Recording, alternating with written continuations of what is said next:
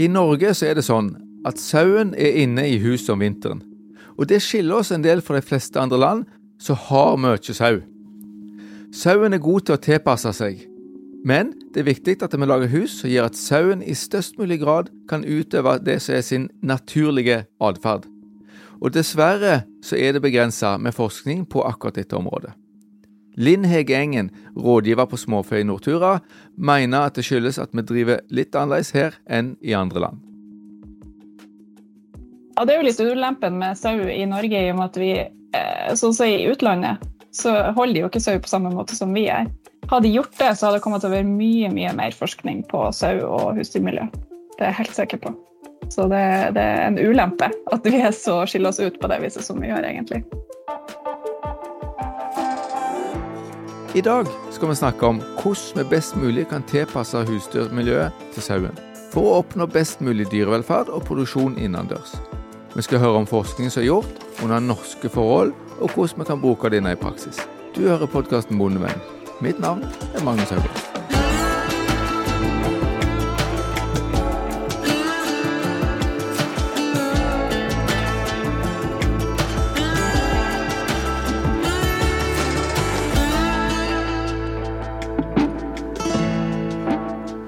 Podkasten Bondevennen blir presentert i samarbeid med Sparebank1 SR-Bank og Tveit Regnskap. Vi bidrar til at bonden lykkes. Sauen har som alle andre dyr behov for å utøve sin naturlige atferd. Hvis de blir hindra i det, så går det ut over dyrevelferden og gir vanntrivsel. Det går ut over produksjonen og kan i verste fall føre til sykdom og død. Du hører nå Ingvild Steine Sluteberget. Vår jobb er å tilpasse husdyrmiljøet, altså fjoset, så godt vi kan til sauens behov. Sauen er et utpreget flokkdyr, så noen av de viktigste atferdsbehovene de har, det er å være i lag med andre sauer. Sauen er jo et flokkdyr med et ganske sterkt utvikla flokkinstinkt. Litt avhengig av hvilken rase man har. Man ser at de eh, minst foredla rasene si, har et sterkere eh, behov for å utøve den naturlige atferden kontra de som man har avla mer på for produksjonsegenskapene. Så det her er litt sånn avhengig av hvilken rase man har. Men sauen er i utgangspunktet et flokkdyr og blir veldig stressa hvis de blir isolert. Og med at de er flokkdyr, så har de òg lyst til å gjøre de samme tingene som resten av flokken gjør. De ønsker gjerne å ligge samtidig, de ønsker å spise samtidig. Dette er ting som de ønsker å gjøre, rett og slett. Uh, utover det så har de jo, som du sier, behov for å ha mulighet til å ligge og tygge drøv. Uh, de ønsker gjerne å uh, lage sosiale grupper som de sjøl bestemmer. de ønsker å holde, holde, seg nær døtre eller søstre. også dette ser man litt forskjell på hvilken rase man har. Men hvis man lar de gå i samme gruppe, så er det gjerne de de holder seg sammen med, gjerne slekt, rett og slett. I beitesesongen når sauen er ute, så vil han i stor grad kunne gjøre det som er naturlig for han, så lenge en har gode sauebeiter. Det er om vinteren når vi setter dyra inn at vi tar de ut fra sitt naturlige miljø. Derfor så er det viktig med godt utforma fjos. Jeg skal si, Sauen er jo tilpasningsdyktig, så, så naturlig atferd vil jo være det man finner på beite. Og det får man jo ikke i hus. Så der, eh, der, er det jo rett og slett at sauen må mestre det miljøet den er i, rett og slett. Det har den et behov for å gjøre. Og det, det er jo mange ting man kan gjøre for å, å legge til rette til det. da. For å kunne legge til rette for at sauen skal mestre sitt miljø, må vi vite hva han har behov for. Og En av de viktigste tingene sauen har behov for, det er jo å tygge drøv og ha et godt vannmiljø. Og Derfor er fòring helt avgjørende når vi skal legge til rette for sauen innendørs. Men det har vi jo laga en helt egen episode om. Rett fôra søye er lik fine lam. Så vil du høre mer om fôring av sau, kan du lytte til den. Ja, måten man kan legge til rette for at sauen får eh, eh, altså føle seg møtt i sine behov, vil jo være i første omgang å ha de i, i gruppe. Uh, man bør ikke isolere dyr, og heller ikke dyr som er syke, bør stå helt isolert. De bør ha anledning til å til å se artsfrender, og gjerne være i nærheten så langt det ikke er smitteproblemer med det. da. Eh, de bør kunne ligge samtidig. De skal kunne ligge samtidig. Muligheten for å ete samtidig, det er jo noe man ser mest av i mindre grupper. Når man har storbingeløsninger og større grupper, så ser man mindre behov for å spise samtidig. Og, men dette er jo òg tilgang på grovfòr som avgjør hvor stort det her behovet. Har man grovfôr, godt grovfôr på fôrbrettet til enhver tid, så er det mindre trøkk på eh, altså det at man skal kunne spise samtidig. Um, er det knapt med fôr, så vil akkurat det her dersom det ikke er nok eteplasser, f.eks., så vil det være et kjempestort stressmoment for dyr dersom det ikke er tilgjengelig godt nok grovfôr i den sammenheng. Så de ønsker å gjøre ting samtidig. De vil ete samtidig, de vil ligge samtidig. Og hvor ofte søyene ligger samtidig, det er faktisk brukt som en velferdsindikator, altså for å forklare hvor bra dyra har det. Men det krever at de har stor plass. I forskrifter for hold av småfe så er det ikke oppgitt noen spesifikke arealkrav. Og det henger jo sammen med at det er ikke forska så mye på sau i hus. Men heldigvis er det gjort noe forskning i Norge, særlig på NMBU. Professor Knut Egil Bø han har forska mye på sau, og har sett dette med areal og hvordan økende areal påvirker sauen. Ja, Hvis vi ser litt på, på de, de, forsøkene vi har gjort når det gjelder areal, så ser vi at en av de interessante tingene det er jo at uh, sauer de ser ut til å ha en veldig sterk preferanse for å ligge inntil noe. Og da ser vi at når de da ligger i bingen, så ligger de da inntil bingeveggene og at de tydeligvis har en sterk preferanse for, for det. Og så ser vi også at de, eh, når de har nok plass, så øker de avstanden til andre søyer når de ligger. Så det er klart at det er noe av det er også noe av forskjellen her mellom rasene. Også vi ser at Norex, eh, som vi har gjort forsøk med her, da, de ligger da med lengre avstand enn det f.eks. Som, eh, som da spælsauen gjør. Så det, og det er jo både pga. at det er en annen rase, men selvfølgelig og antagelig så spiller det en rolle at den også er mindre, har en mindre kroppsvekt. Så det er, det er noe av forskjellene. Det er en av de viktige tingene vi må ta hensyn til når vi da skal lage binger inne i hus for sau. I andre land så har de veldig forskjellige krav og anbefalinger for hvor mye plass sauen skal ha innendørs. Det er veldig forskjellig hva, eh, hva, som er anbefalt og regelverk i de forskjellige landene. Det er veldig forskjellig. Så det norske, det, det vi tror vi har, ikke, vi har, jo ikke, en helt fullstendig oversikt over dette, men det vi tror er en ganske vanlig norsk praksis, det er at det er fra 0,7 til 0,9 kvadratmeter per søye de, men det står ingenting i de norske, det norske regelverket om dette her. Det gjør det ikke. Så dette er bare blitt en norsk praksis. Hvis vi ser på hva som er, er de har i Sverige av bestemmelser, så der, så der inngår areal, minsteareal i de, de, de, svenske bestemmelsene. Slik at der er det for søyer som er under 65 kg, så er det minimum areal på 1,2 kvadratmeter. Mens eh, for voksne søyer som er over 65 kg, så er det 1,4 kvadratmeter. Og for drektige søyer så er det helt opp på 1,7 eh, kvadratmeter per søye. Vi det, går vi til Sveits, som jo også er kjent for å være opptatt av dyrevelferd, så ser vi at de har et, areal, et arealkrav. Så, og der er det bestemmelser på 0,8 til 1 kvadratmeter per dyr engelske anbefalinger, for vi må skille mellom anbefalinger og regelverk her. Eh, engelske anbefalinger går på fra, fra 0,9 til 1,1 kvadratmeter per dyr. Eh, så hvis vi da går over Atlanterhavet og kommer til Canada, så anbefaler da Canada, Canadian Plan Service de anbefaler helt ned på 0,65 kvadratmeter per søye. Og går, Ser vi på eh, anbefalingene i USA, så er de på fra 0,74 til 0,93. Så her er det da en ganske god blanding av regelverk og anbefalinger. Men eh, det er ikke gjort noe særlig forsøk med dette. her sånn. Dette er bare basert på erfaringer, så det er ikke gjort noe særlig forsøk med det. Så Det var derfor det var interessant for oss å gjøre dette forsøket, for å få tall og datagrunnlag på det. Altså, vi liker å være best i klassen på dyrevelferd, men både Sverige og Sveits har strengere krav til areal i sauehuset enn det vi har. For de andre dyreslagene så er det krav i forskriften for hvor stort areal det skal være per dyr.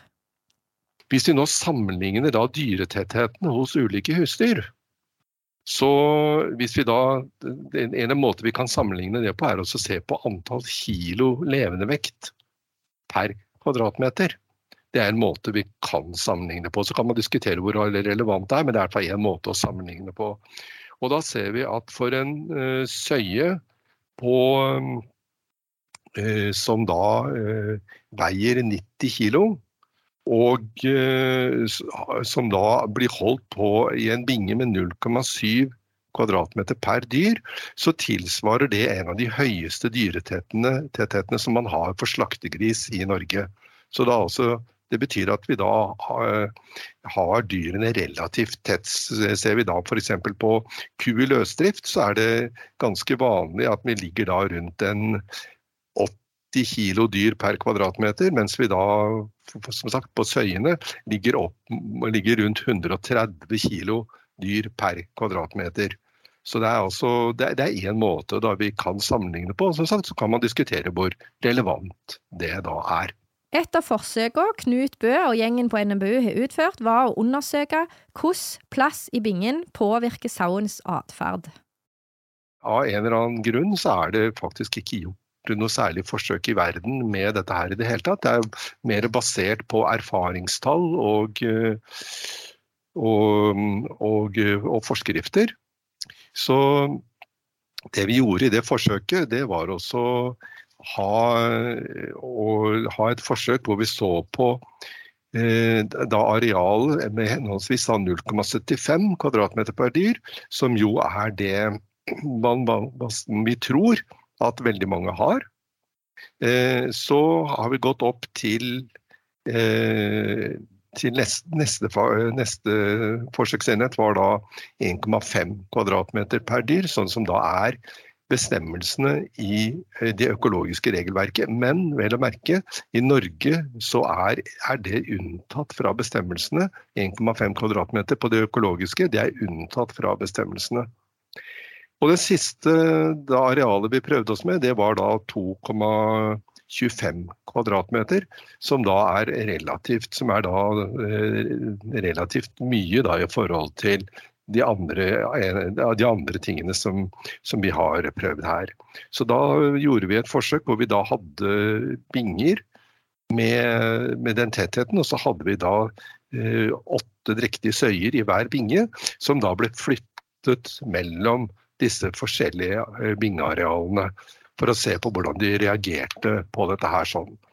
Og da så vi det at eh, og hadde vi da, Det vi også hadde, her, at vi hadde både binger med talle og binger med strekkmetall. Og da så vi her at når vi økte arealet fra 0,75 kvadratmeter per dyr, så så vi at da økte liggetiden ganske mye. Økte vi videre til 2,25 kvadratmeter, så, så, økte også liggetiden noe, men ikke så veldig mye. Eh, vi ser da at eh, de også sto mer i den bingen med det minste arealet. Eh, de var ikke noe særlig Aktivitetstiden, altså definert som at de, de går rundt osv., den var ikke noe særlig forskjellig av en eller annen grunn så var, eh, så var spisetiden den var da lengre på de, eh, på de, minste bingene. Og Forklaringen på det det tror vi rett og slett er at da, da står de med hodet utover forberedte. Ikke nødvendigvis at de spiser, men de utnytter i gåseøynene den plassen de har tilgjengelig der også. En annen tid, ting som vi så, og det var interessant, det var at man ser jo veldig sjelden at sauer sitter. Men faktisk så så vi det, at det var noe som forekom i de minste bingearealene, og bare der. Og det er en sterk indikasjon. Eh, hvis vi nå ser på variasjon i, i liggetid, altså hvor mye den varierer mellom forskjellige søyer, så ser vi at den er også størst på det minste arealet.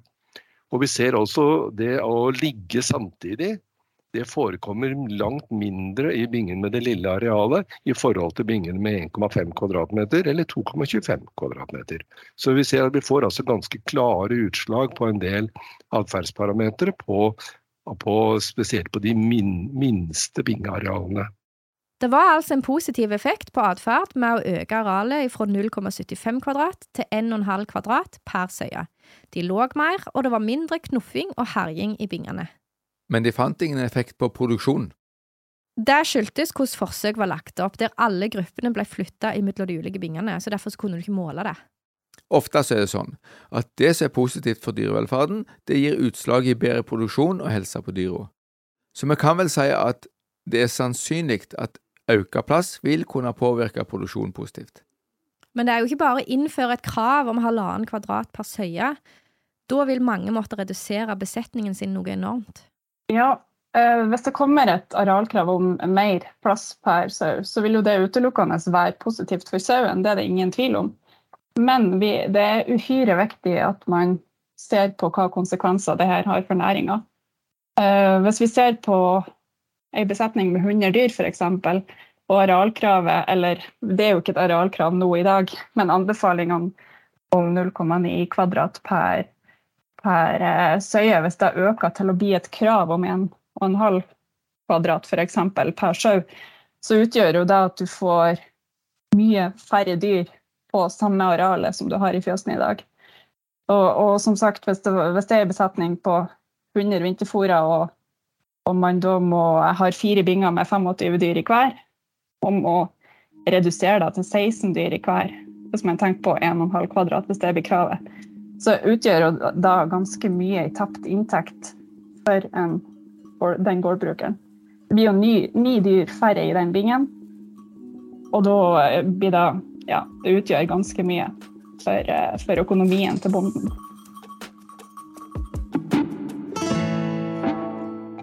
Denne episoden er sponsa av Felleskjøpet Rogaland Agder. Felleskjøpet arbeider hver dag for din lønnsomhet som bonde, og for lokal og norsk matproduksjon. Ta kontakt med en av våre konsulenter, eller gå inn på nettsidene våre bondekompaniet.no. Men det fins mange måter å gi sauen mer plass på, uten å nødvendigvis måtte bygge et helt nytt fjos til mange millioner.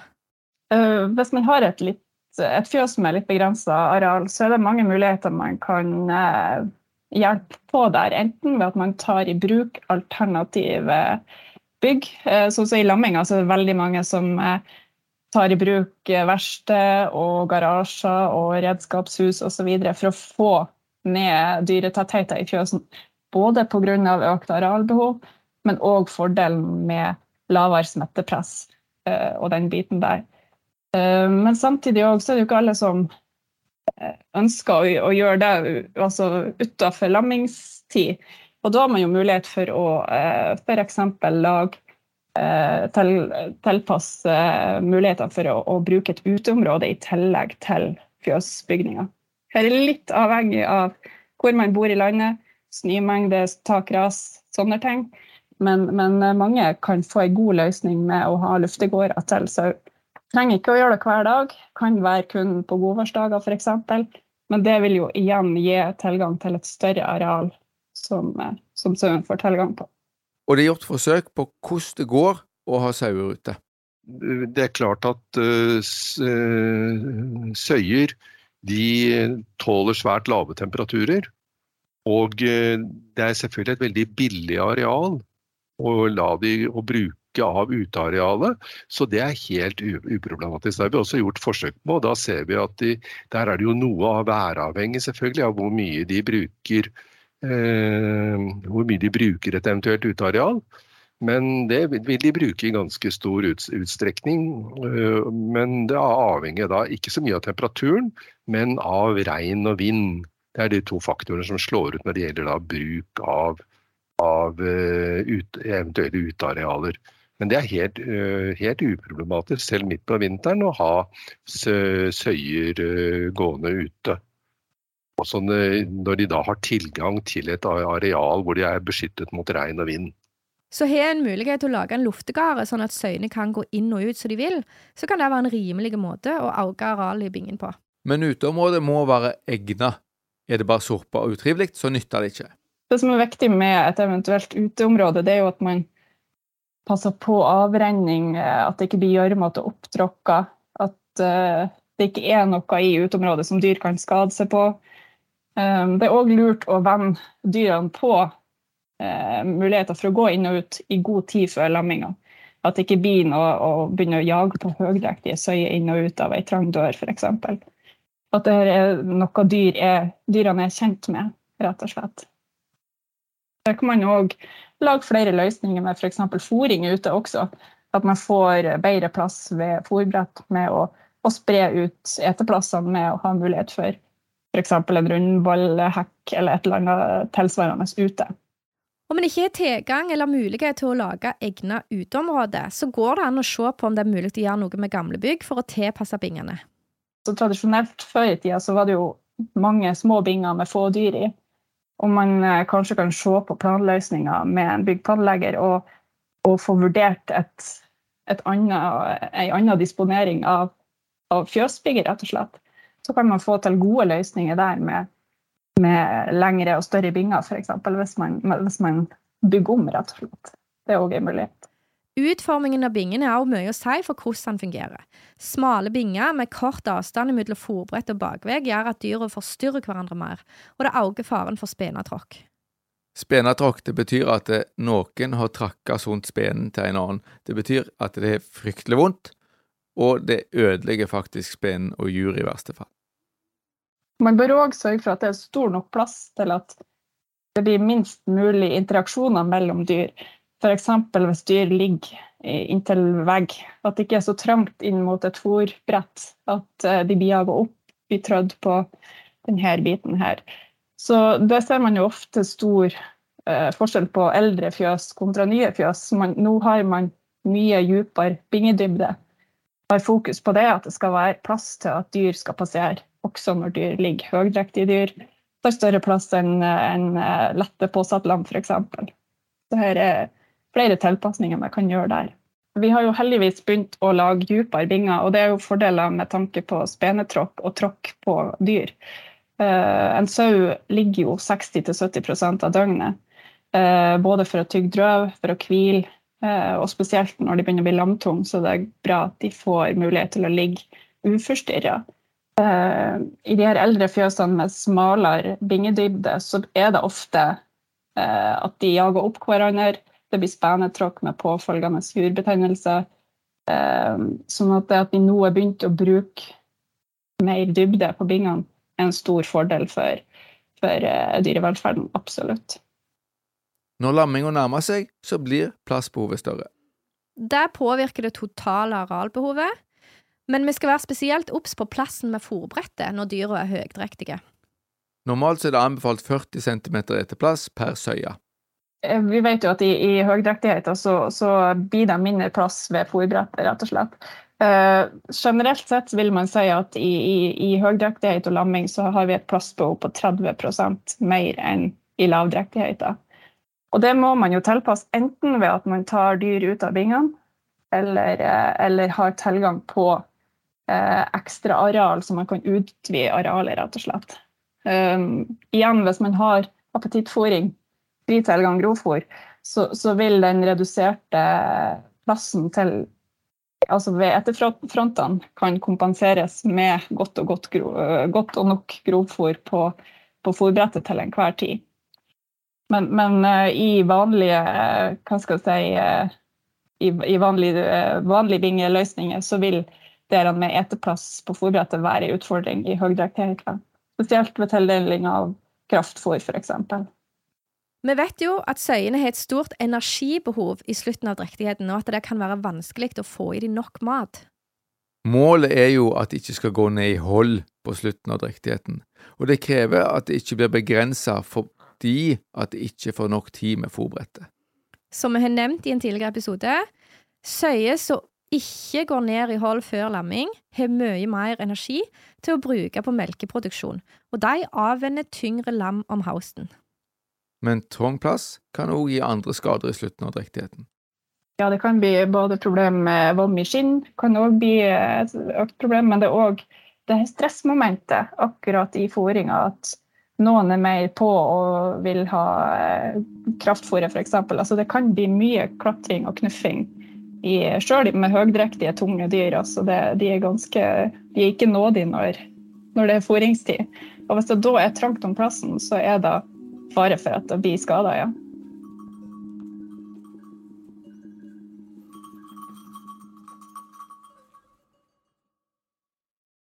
Det er ikke bare før lamminga at sauen har behov for ekstra plass. Når han lammer, så skal han jo ut i en lammingsbinge. Naturlig så har sauen et behov for å trekke seg bort fra flokken under lamming. Det er et ganske sterkt instinkt. og det er jo eh, For det første for å unngå eh, lammestjeling, altså at andre søyer som ikke har lamma ennå, stjeler lammene. Men òg er det jo utrolig viktig for eh, mor-avkom-bindinga. Og det er jo kjempeviktig for resten av sommeren, rett og slett, at lammet følger mor, og at de kjenner hverandre. Så, så sauen har et sterkt behov for å trekke seg unna i lamminga. Og det har vi mulighet til å, å møte det behovet ved å, å sette opp lammingsbinger. Og, og, eh, og, la sauen få lov til å lamme alene i et atskilt område, rett og slett. Ideelt sett så skal en flytte søya over i lammingsbingen før hun lammer. Men noen ganger så kommer en gjerne for seint til det. Men det er likevel viktig at vi flytter de, sånn at de får litt privatliv i lag med lamma. Det er viktig for tilknytninga mellom sau og lam som er helt avhengig av resten av sesongen for at lammet skal følge sauen på beite. Det mest praktiske er jo det som eh, er å sette opp rett der de er. Skulle si en, et lettgrindsystem f.eks. For, eksempel, for, å, for å lage en lammingsbinge. Og det, det, oppleves som godt nok i og med at lammet får den tida i lag med mor alene. Om det er godt nok hvis man tenker på sauen sitt behov for isolasjon, det er jeg ikke like sikker på. Det vet jeg faktisk ikke. Men, men samtidig så, eh, så eh, har jo òg sauen litt behov for å ikke bli isolert fra artsfrendene sine. Spesielt påsattlam opplever er ekstra sårbar for denne eh, isolasjonen her. Så om det er godt nok å bare sette opp lettgriner i bingene som lammingsbinge, det vet vi ikke helt. Det kan hende at en mellomting der lammingsbingene ligger litt vekk fra resten av flokken, f.eks. i en fòrsentral eller lignende, men der det er andre søyer lammingsbingene på sida, sånn at de kan ha kontakt, at det er en god løsning.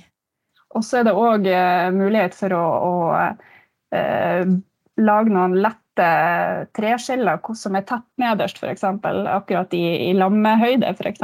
Så får man en slags isolasjon der, samtidig som søya greier å se over og kan se artsfrender. Men dette er det ikke forska på, så det vil være interessant å vite hva som er den optimale lammingsbinga for søya. Hvor lenge de trenger å stå i lammingsbingen, det avhenger av hvor lang tid de trenger på å knytte sterke bånd mellom mor og avkom. Um, en sånn generell uh, tommelfingerregel er at de bør stå ett døgn per lam de har. Altså ei søye med ett lam kan stå ett døgn, ei søye med tre lam bør stå tre døgn. Det er veldig individuelt, og jeg føler at det er veldig viktig at gårdbruker følger opp enkeltindividene. F.eks. hvis det har vært en hard fødsel, Ehm, at man opplever at søya og lammet ikke helt får den gode bindinga. At det har blitt litt sånn kluss under fødsel, f.eks. Det kan være enkeltfaktorer som gjør at de bør stå lenger. Samtidig så har du enkelte søyer, erfarne søyer som ikke trenger å stå like lenge. Så det er veldig erfarings... Eh, altså Bønder blir veldig gode på det her etter hvert. Eh, men, men som en tommelfingerregel ett døgn per lam. Etter at søya har vært i lammingsbingen, så blir han ofte flyttet over i en fellesbinge før de slippes på beite. Også her er det viktig å ha nok plass.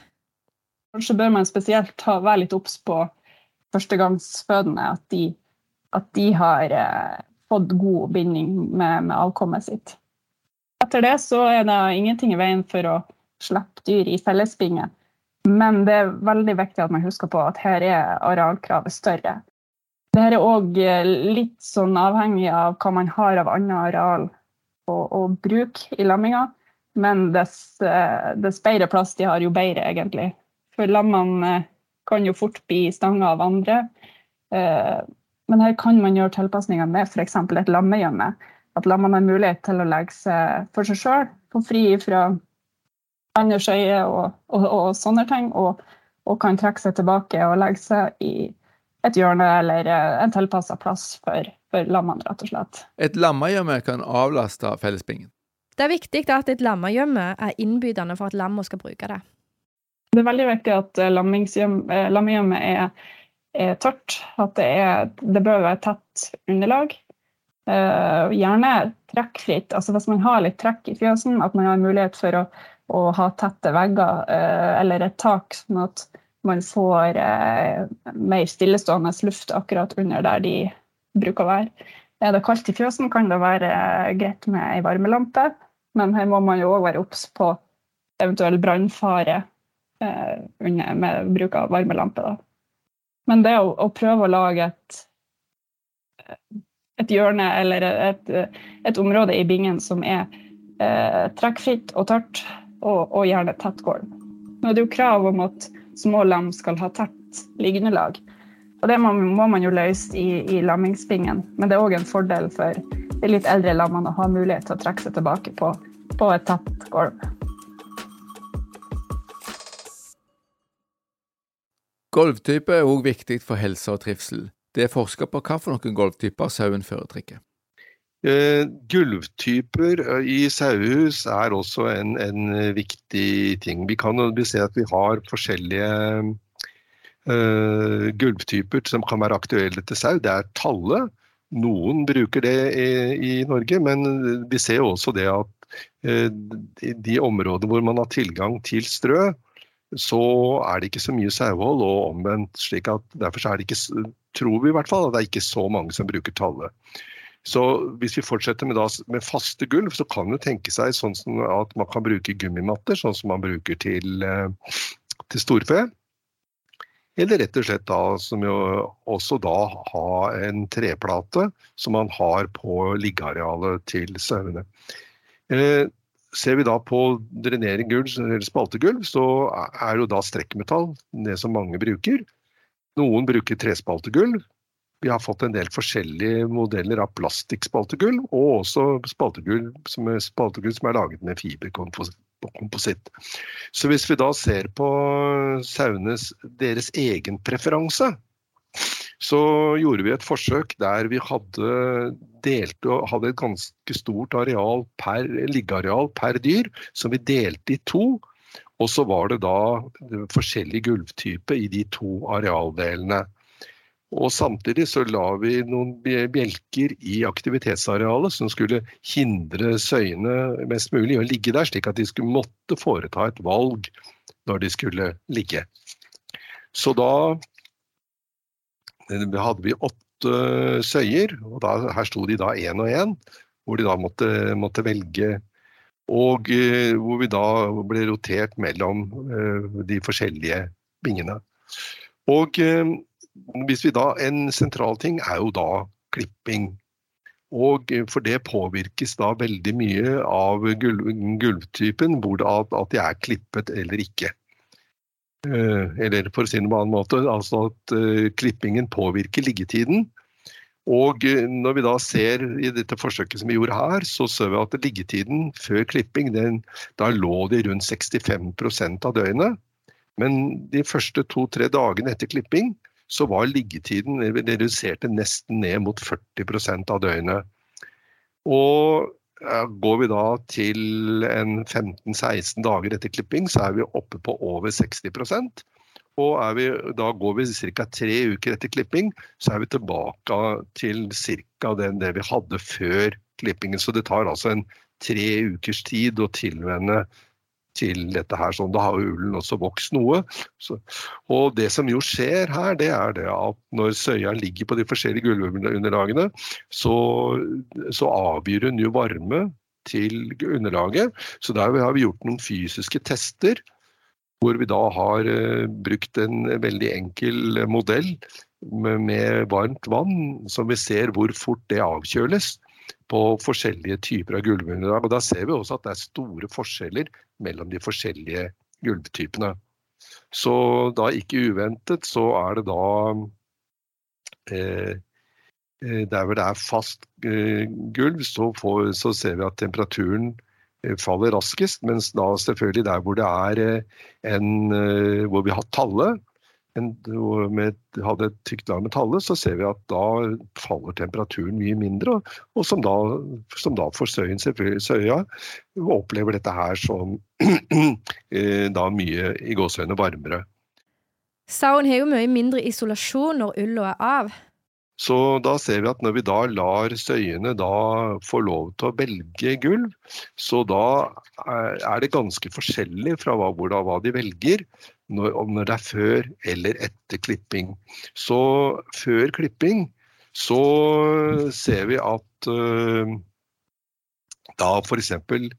Og her kommer jo da hva de er vant til også, selvfølgelig en, en viktig faktor. Men i de forsøkene vi så her, så valgte de faktisk strekkmetall fremfor halm før klipping. Mens derimot etter klipping så ser vi det at de velger da å ligge på halm nesten utelukkende, og ikke ligger nesten på strekkmetallet i det hele tatt. Så det er en viktig ting å være klar over at uh, hvordan klippingen da påvirker dyrens valg av forskjellige typer av gulv. Så um, ser vi f.eks. en samling hvor de kunne velge mellom tregulv og gummimatte. Så ser vi at den er omtrent Den er ikke så veldig forskjellig fra før og etter klipping. Eh, mens da eh, strekkmetall og eh, tregulv der, eh, der, ser vi at der valgte de omtrent sånn eh, rundt halvparten av tiden på hver av disse gullminnedagene. Mens etter klipping så er det mest at de da ligger på tregulvet og, mye, og nesten ikke på strekkmetallet i det hele tatt. Oppsummert så betyr dette at når sauen har ull, så har ikke gulvtype så mye å si. Når de er nyklippa, så er det veldig tydelig at de velger varmere gulv, sånn som tre eller halm. Og Hvis vi skal imøtekomme dette behovet, så må en jo gjerne lage til en halmbinge, tallebinge, så de kan gå på etter klipping. Og Det er jo ikke alltid så gjennomførbart i praksis, men hvis en har mulighet, så er det jo flott. Det som er viktig, det er et opplegg som en klarer å gjennomføre. Men, men uh, en blaut talle eksempel, er et dårligere alternativ enn et kaldt strekkmetallgulv. Hos storfe så er det jo krav om tett gulv for dyr under seks måneder, og alle kyr og kviger som har mindre enn to måneder igjen til kalving, skal ha liggeplass med tett gulv og mjukt underlag. Hos sau er det ikke krav om tett gulv utenom til lam fram til de er 14 dager gamle. Men det vi har sett en del på, det er jo dette her med hvordan man kan eh, øke eh, liggearealet. For det er jo en av, noe av kritikken som er kommet her mot uh, norsk sauehold. Det er jo det at man, det er, de har ikke fast gulv på liggeunderlaget. Det er jo en ting som man er opptatt av for, for en del andre dyr. F.eks. på storfe så er man jo opptatt av at det skal være uh, tett gulv på liggearealet. Og slik at Det har vi gjort en, noen forsøk med for å se om, om det finnes muligheter for oss å, å, få til det på en, på en ja, relativt da, enkel måte. Så en av de tingene vi gjorde, var også å legge inn såkalte liggepaller. Dvs. Si altså da at vi tar eh, deler av, bingen, gjerne da mot eh, bakveggen av bingen, hvor vi da legger inn da en liggepall som da er enten 50 eller 60 cm bred. Og så er det da med et, et fall mot da resten av bingen for å sørge for at renheten blir, uh, blir tilfredsstillende. Så det gjorde vi i tre norske besetninger. Så gjorde vi da, vi la inn da liggepaller med litt forskjellig design. Hvor vi, men hvor vi da så på da uh, hvor, hvor, vi roterte gruppene mellom de forskjellige også uh, de forskjellige uh, utformingene her av liggepallen. Slik at vi så da på hvor mye de brukte disse her, og også så noe på renholdet. For det er klart at det er jo en av, av tingene her som, som, man må være oppmerksom på, at det, det, krever jo da noe mer renhold når man da skal legge inn da fast gulv på, på liggeplassen. Så det er, det er, også selvfølgelig noe av kritikken mot et, et, et, system sånn, det er at det da blir, det da blir mer skittent i, i bingen. Drenerende gulv som strekkmetall eller andre rister, det gjør jo renholdet enkelt. Skal vi ha tett gulv, så må vi oppi og måke. Det vi også så, det var da at uh, det var veldig positivt med å ha fall på dette, disse her, slik at eventuelt da, noe av gjødselen rett og slett bare sklir av. Men det vi også så på at bredden på liggearealet, det var, det var mindre problemer med, med gjødselmengde når vi da hadde de smale på 0,5 meter bredde, fremfor å ha på 0,6 meter bredde. Så er det da selvfølgelig en vurdering om man syns det er greit å gå og gjøre disse her manuelt. For det tar jo ikke så lang tid, men det er selvfølgelig en jobb. Så vi så litt grann på, på litt utforming av disse her, og både ha det foran og bak i bingen, eller ha en uformet da med hoveddelen bak. og da, da, så vi at det var en antydning av en eller annen grunn til akkurat når det var uformet, så var det noe mer gjødsel på disse, på disse liggepallene. Men faktisk ikke, så var det ikke det en så stort problem når, det, når vi hadde både foran og, foran og hadde liggepall også foran ved, eh, ved fòrbrettet, ved bingefronten. Så var det faktisk ikke det helt store problemet. De har òg gjort forsøk på hvor stort dette liggearealet bør være. Det vi også jo har gjort forsøk med, det er også sett på å se på liggearealet i seg, i seg, selv. At vi da har et separat liggeareal i bingen, men som da ikke som er der noe større. Så da har vi gjort et forsøk hvor vi så på hvor det var 1,5 kvadratmeter eh, per, per binge, per søye. Og så har vi da lagt inn da henholdsvis eh, da et liggeareal på 1 kvm per søye, 0,75 kvm per søye og 0,5 kvm per søye. Og her har vi gjort det du spurte om tidligere, om at uh, vi har sett på både dype og brede binger. Så da hadde vi seks eh, grupper av fire drektige dalasøyer som var med i dette forsøket. her sånn. Og da var det strødd da med, med et tynt lag med sagfly som var strødd opp på dette liggearealet. Så når vi da ser på bingene, så blir jo da det Da tar jo da, når det er én kvadratmeter bingeareal per søye med liggeareal, så tar jo det ganske mye av bingen. Så hvis vi da ser på på hvordan dette påvirker søyenes atferd, så ser vi det at uh, liggetiden den øker litt grann når vi øker fra 0,5 kvm liggeareal til 0,75 kvm liggeareal. Men utover det så får vi ingen økning. Men det, det, er interessant å se at når vi ser på parameteren ligge samtidig, så ser vi at den øker ganske mye. Fra 0,5 kvm per dyr til 0,75 kvadratmeter dyr, og det øker ytterligere opp til 1 kvadratmeter per dyr. Vi ser også at da ligge i aktivitetsområdet går også ned når vi da øker eh, liggearealet. Og eh, vi ser også det, å ligge, eh, men det å ligge i midten av liggeområdet, det er, er det faktisk ikke så store endringer på av en eller annen grunn. Så å lage et liggeareal det virker positivt på atferden til søyene, og kan være en god tilpasning av et sauehus for å møte behovene til sauen. Og det trenger heller ikke være en stor investering å prøve å legge inn en liggepall i bingene. Vi ser også at søyene da, når de får mer liggeareal, så øker de eh, det å ligge nær en annen søye. Det blir det mindre av når de får større Og så ser vi også interessant nok at antall fortrengninger, dvs. Si altså at en søye jager opp en annen fra liggeplassen sin, det blir da mye mindre etter hvert som vi da øker liggearealet. Så det har vi noen fine og morsomme videofilmer av. Og når vi ser at de da fortrenger hverandre da når liggearealet blir da mindre.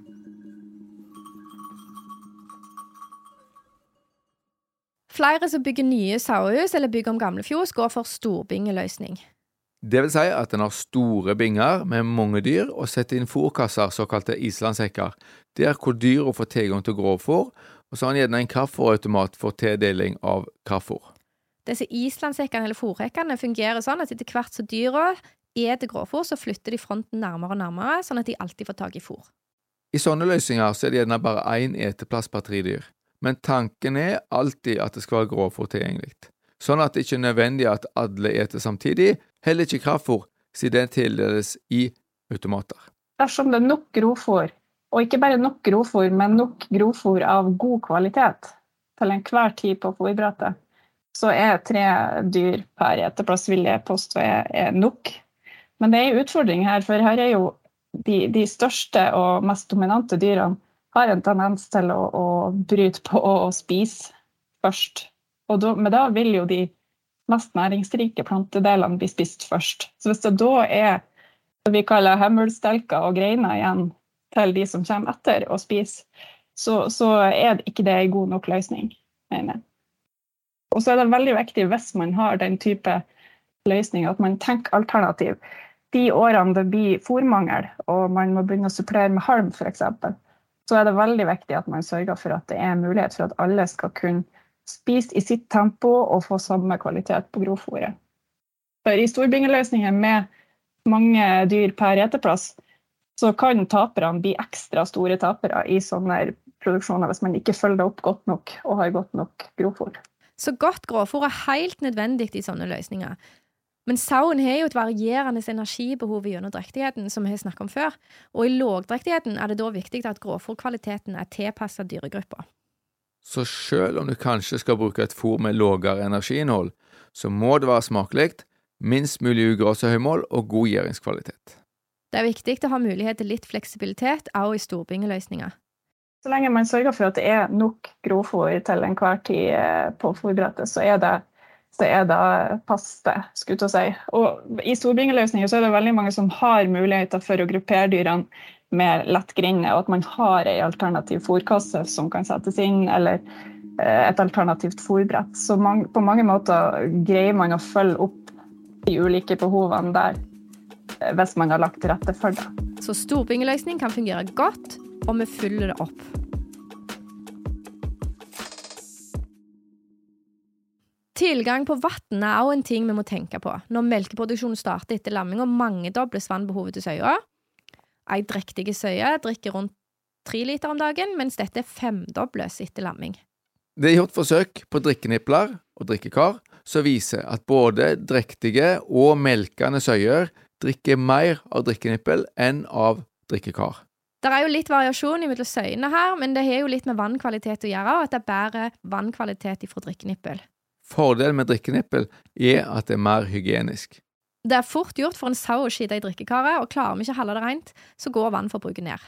Golftype har en del å si, fordi det blir mer søl fra drikkenipler, og har en talle, så kan det bli utfordrende å holde en tor nok i det området. Når du bruker drikkenippel, så må en jo ha de ulike høyder for sau og lam, enten det, eller ha mulighet til å justere høyden. Nå har vi snakket om forskjellige ting som vi kan gjøre for å tilpasse sauehuset best mulig, sånn at sauen får utført sin naturlige atferd og dermed har det bra. Og så må vi ikke glemme at den aller enkleste og beste tilpassinga vi kan gjøre, det er å sørge for fri tilgang på grovfôr, altså grovfôr 24 timer i døgnet. Det her med appetittfôring på grovfôr um, det, vel, altså det at dyrene har tilgang på grovfôr til enhver tid, er jo bra både med tanke på tidsfordriv, men òg det her med at alle har mulighet til å spise i sitt tempo, har mulighet til å, til å eh, følge sin egen dagsrytme. skulle jeg si. Men med en gang appetittfôringa ikke fungerer optimalt, at det går tomt, at det er dårlig grovfôr, så blir det et enormt stressmoment akkurat i fôringssituasjonen når nytt fôr legges på eh, fôrbrettet. Så det at man følger opp grovfòrtildelinga si, er kjempeviktig. Vi har vel mast om dette støtt og stadig. Men en god ting kan ikke sies for ofte. På tide å oppsummere, kanskje. Ja, jeg tror det. Nok plass er viktig for at sauen skal kunne utføre sin normale atferd. Det er ingen krav til areal for sau i Norge, men forskning tyder på at halvannen kvadratmeter per søye gir bedre dyrevelferd. Sauen har behov for å ligge inntil en vegg, og større, gjerne dypere binger gjør at flere kan få dekka det behovet. Det er flere tilpasninger vi kan gjøre for å øke arealet i bingene. Se på planløsninger og tilpasse eksisterende bygg. Ta i bruk alternative areal, eller lag et egnet uteområde. Liggepall kan være et godt velferdstiltak, særlig etter klipping, når de ønsker å ligge på et varmere gulv. Og da kan tre være et egnet materiale å bruke til liggepall, og vi ikke kan ha tallebinger med halm etter klipping. Sauen er fortsatt en drøvtygger, og fri tilgang på grovfòr er viktig for god drøvtygging og redusere stress. Du har hørt på podkasten Bondevennen. Mitt navn er Ingvild Steines Luteberget, og jeg er rektor ved Vinterlandbruksskolen i Ryfylke. Mitt navn er Magnus Haugland. Jeg er lærer ved Vinterlandbruksskolen og rådgiver i Norsk landbruksrådgivning Rogaland. Har du spørsmål, tilbakemeldinger eller kommentarer til podkasten, så blir vi veldig glad hvis du sender oss en e-post på podkast.bondevennen.no. Episoden er spilt inn i ABC Studio i Etne. Lyd ved Stig Morten Sørheim. Takk for at du hørte på. Ha det bra.